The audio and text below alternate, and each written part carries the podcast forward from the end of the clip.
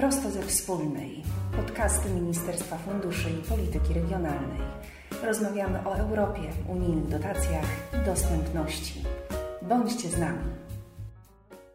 Dzień dobry, witam Państwa bardzo serdecznie i zapraszam do wysłuchania rozmowy z Panią Małgorzatą Jarosińską-Jedynak, wiceministrem w Ministerstwie Funduszy i Polityki Regionalnej. Dzień dobry, Pani Dzień minister. dobry, witam. Temat dzisiaj bardzo na czasie, bo rozmawiać będziemy o Krajowym Planie Odbudowy i Zwiększania Odporności. To taki dokument, który właśnie Pani resort przekazał do konsultacji. Dla porządku tylko dodam, że w trakcie naszej rozmowy będziemy w odniesieniu do tego dokumentu używać skrótu KPO. Więc za nami ten moment, na który czekało bardzo wielu z nas, wielu partnerów społeczno-gospodarczych, samorządy, wielu innych aktorów wdrażających środki unijne w Polsce, to znaczy start konsultacji, właśnie KPO. Mam przed sobą, leży przed nami dokument liczący aż 232 strony. Dokument jest, jest opasły, aczkolwiek przygotowany bardzo solidnie i też będący efektem wielu miesięcy prac, za które Pani resort odpowiadał. Pani minister, czym jest tak naprawdę KPO? Do czego nam posłuży? Ja myślę, że te 230 stron to wcale nie jest tak dużo, bo patrząc na krajowe plany odbudowy przygotowane przez inne państwa członkowskie, myślę, że nie jesteśmy liderem, jeżeli chodzi o jego wielkość, a przede wszystkim trzeba było tam przedstawić bardzo ważne i istotne reformy, jak również inwestycje, które te reformy będą opisywać i realizować wraz z ich całym uzasadnieniem. Ale wracając do pytania, w ramach instrumentu na rzecz odbudowy i zwiększenia odporności państwa członkowskie opracowują programy antykryzysowe, czyli właśnie krajowe plany odbudowy z wykazem projektów oraz reform, które będą mogły zostać objęte finansowaniem. Wsparciem w ramach KPO objęte zostały te propozycje projektów oraz reformy, które zostały zgłoszone przez resorty, regiony, przez partnerów społecznych, gospodarczych, które w największym stopniu będą odpowiadały na skutki pandemii COVID-19. A przygotowany Krajowy Plan Odbudowy jest takim dokumentem programowym, który odnosi się do możliwych obecnie do podjęcia lub kontynuacji reform oraz inwestycji, które stanowią podstawę ubiegania się o wsparcie z Funduszu Odbudowy. I przyjęcie tego Krajowego Planu Odbudowy jest takim warunkiem niezbędnym w ramach przygotowań Polski, jak i pozostałych państw członkowskich do efektywnego zaprogramowania, a co najważniejsze, do dobrego ustawienia systemu koordynacji, mechanizmów wdrażania i realizacji tych inwestycji. No właśnie ten fundusz odbudowy, o którym Pani Minister wspomniała, może być też enigmą dla wielu naszych słuchaczy. Czym jest ten fundusz? W jakim celu instytucje unijne, szefowie rządów krajów członkowskich, Komisja Europejska może zdecydowali się, w jakim celu powstał? Są to dodatkowe środki w ramach budżetu Unii Europejskiej na odbudowę gospodarki w postaci planu odbudowy dla Europy, w skład którego wchodzi między innymi Europejski Instrument na rzecz Odbudowy, czyli Next Generation EU, i jednym z kluczowych elementów pakietu działań antykryzysowych w ramach Next Generation EU jest instrument na rzecz odbudowy i zwiększenia odporności, a takim głównym celem tego instrumentu jest wspieranie państw członkowskich w okresie następującym bezpośrednio po kryzysie wywołanym pandemią COVID-19 poprzez zapewnienie finansowania dla projektów, reform i inwestycji wpisujących się w takie strategiczne obszary jak badania, innowacje, jak inteligentny, zrównoważony i sprzyjający włączeniu społecznemu rozwój. To również zielona i cyfrowa transformacja, spójność gospodarcza, społeczna, terytorialna,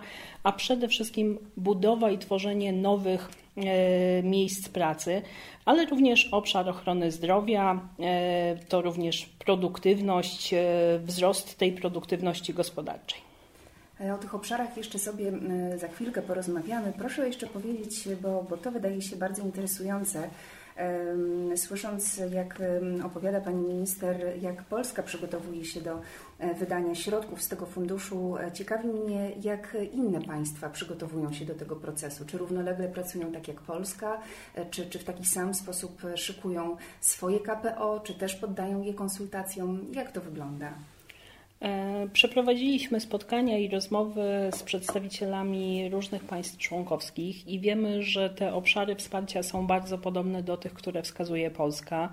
Ten stopień przygotowania programów jest na podobnym etapie jak i w Polsce. Również konsultacje są prowadzone e, w bardzo szerokim zakresie, tak jak ma to miejsce w naszym kraju. Jesteśmy teraz w trakcie konsultacji społecznych tego dokumentu, które potrwają do 2 kwietnia więc bardzo liczymy na e, zgłaszanie uwag i propozycji. Oczywiście są też takie państwa, które e, jeszcze nie przygotowały swoich dokumentów, będą wnioskować o wydłużenie tego ostatniego terminu do e, złożenia tego dokumentu do Komisji Europejskiej, ale wiemy, że wszystkie, wszystkie pracują na podobnym, w podobnym tempie i z podobnymi efektami.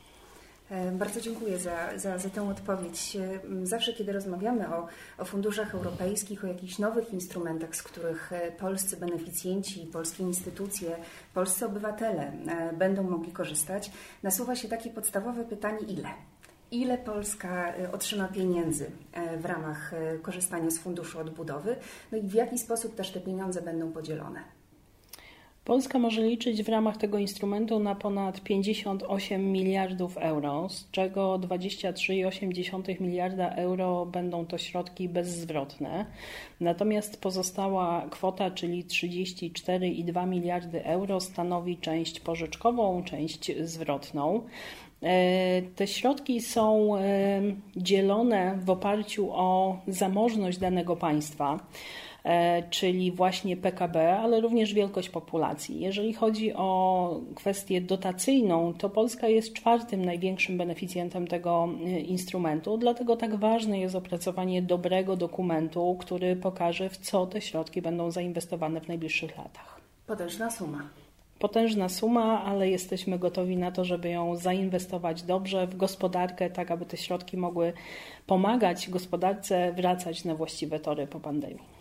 A proszę powiedzieć, Pani Minister, w jaki sposób te środki przez nas jako kraj konkretnie będą rozliczane?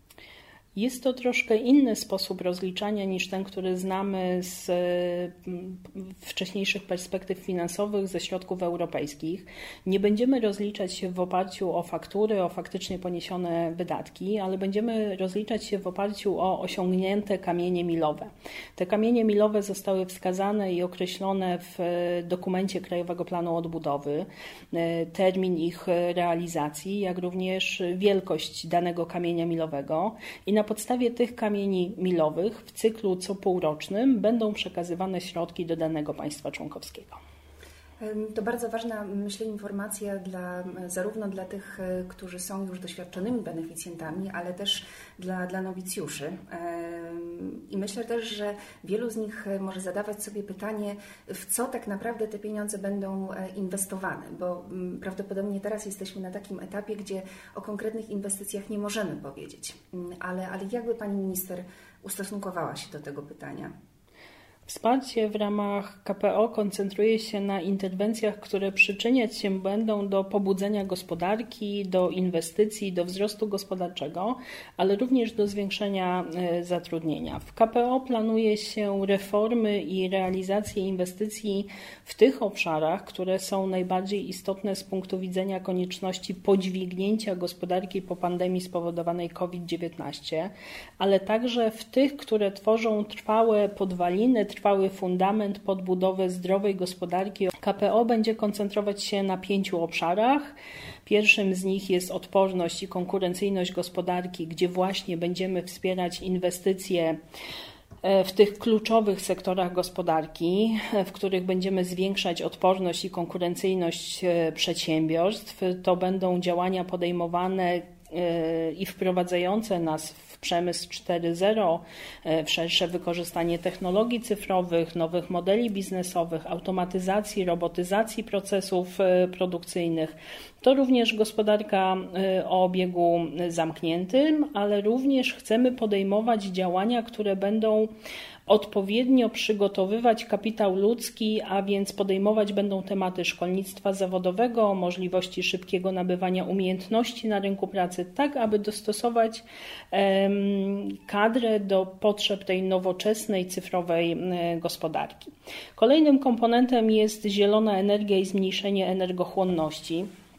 I w ramach tego komponentu przede wszystkim kluczowe działania będą podejmowane w ramach programu e, Czyste Powietrze, gdzie zależy nam na eliminacji niskiej e, eliminacji e, niskiej emisji w sektorze komunalno-bytowym, ale również podniesienie efektywności energetycznej. To również rozwój odnawialnych źródeł energii, ale również zależy nam na takich działaniach, które będą inwestować w zaopatrzenie w wodę, w odprowadzanie ścieków, na obszarach poza aglomeracjami, a więc szczególnie właśnie na e, obszarach wiejskich. Następny komponent to transformacja cyfrowa, która koncentrować się będzie na inwestycjach w zakresie zwiększenia dostępu do internetu. Chcemy niwelować białe plamy, które jeszcze e, występują, ale również wprowadzać rozwiązania systemowe do e, powszechnego zastosowania w administracji, w usługach publicznych, również w wspierać uczniów i nauczycieli w procesie zdalnego nauczania. E, czwarty komponent to efektywność, dostępność i jakość systemu ochrony zdrowia. I to przede wszystkim modernizacja infrastruktury, szersze wykorzystanie rozwiązań cyfrowych, ale również działania na rzecz zwiększenia liczby kadr medycznych. I piąty komponent to zielona, inteligentna mobilność, gdzie kluczowym, kluczowymi inwestycjami będzie elektromobilność, czysty transport, y, zastosowanie paliw alternatywnych, to również y, inwestycje w obszarze transportu kolejowego, y, poprawy bezpieczeństwa ruchu na drogach, ale również pamiętamy o tym, że będą to inwestycje, które będą poprawiać jakość środowiska, jak chociażby budowa obwodnic w tych miejscach, gdzie e, drogi te powodują największą liczbę zanieczyszczeń w miastach. Obszarów e, ogromnie dużo. Dla kogoś, kto E, kto przysłuchuje się pierwszy raz, e, może się wydawać, że e, rzeczywiście wybór tych projektów do dofinansowania to, to będzie potężne, wielkie zadanie, które na pewno będzie wymagało ogromnej też wiedzy ekspertów, którzy będą wnioski wybierać, tudzież organizacji, instytucji, które będą prowadziły konkursy w ramach wdrażania środków z Funduszu Odbudowy. W jaki sposób Pani Minister zatem się z tym uporać? To znaczy, jak te projekty będą wybierane do dofinansowania, bo przyznam szczerze, że przysłuchując się, e, no, stwierdzam, jest to wielkie, wielkie wyzwanie przed Państwem. Jest to wielkie wyzwanie przed każdym z nas, ponieważ jest to nowy instrument, którego wszyscy się uczymy, zarówno państwa członkowskie, jak i Komisja Europejska. Na pewno chcemy zastosować przy wyborze do dofinansowania tych inwestycji te procedury, które już funkcjonują w ramach funduszy europejskich. E, chcemy wykorzystać te instytucje, które już pracują na rynku z beneficjentami, czyli Narodowe Centrum Badań i Rozwoju, Polską Agencję Rozwoju Przedsiębiorczości, e, Narodowy Fundusz Ochrony Środowiska i Gospodarki Wodnej, więc te procedury wyboru będą bardzo zbliżone do tych, które już znamy z funduszy. E, tutaj mamy część projektów, które będzie realizowane w oparciu o tryb konkursowy. Część projektów zostało już inwestycji, zostało już określonych i wskazanych chociażby w postaci programów, takich jak Czyste Powietrze.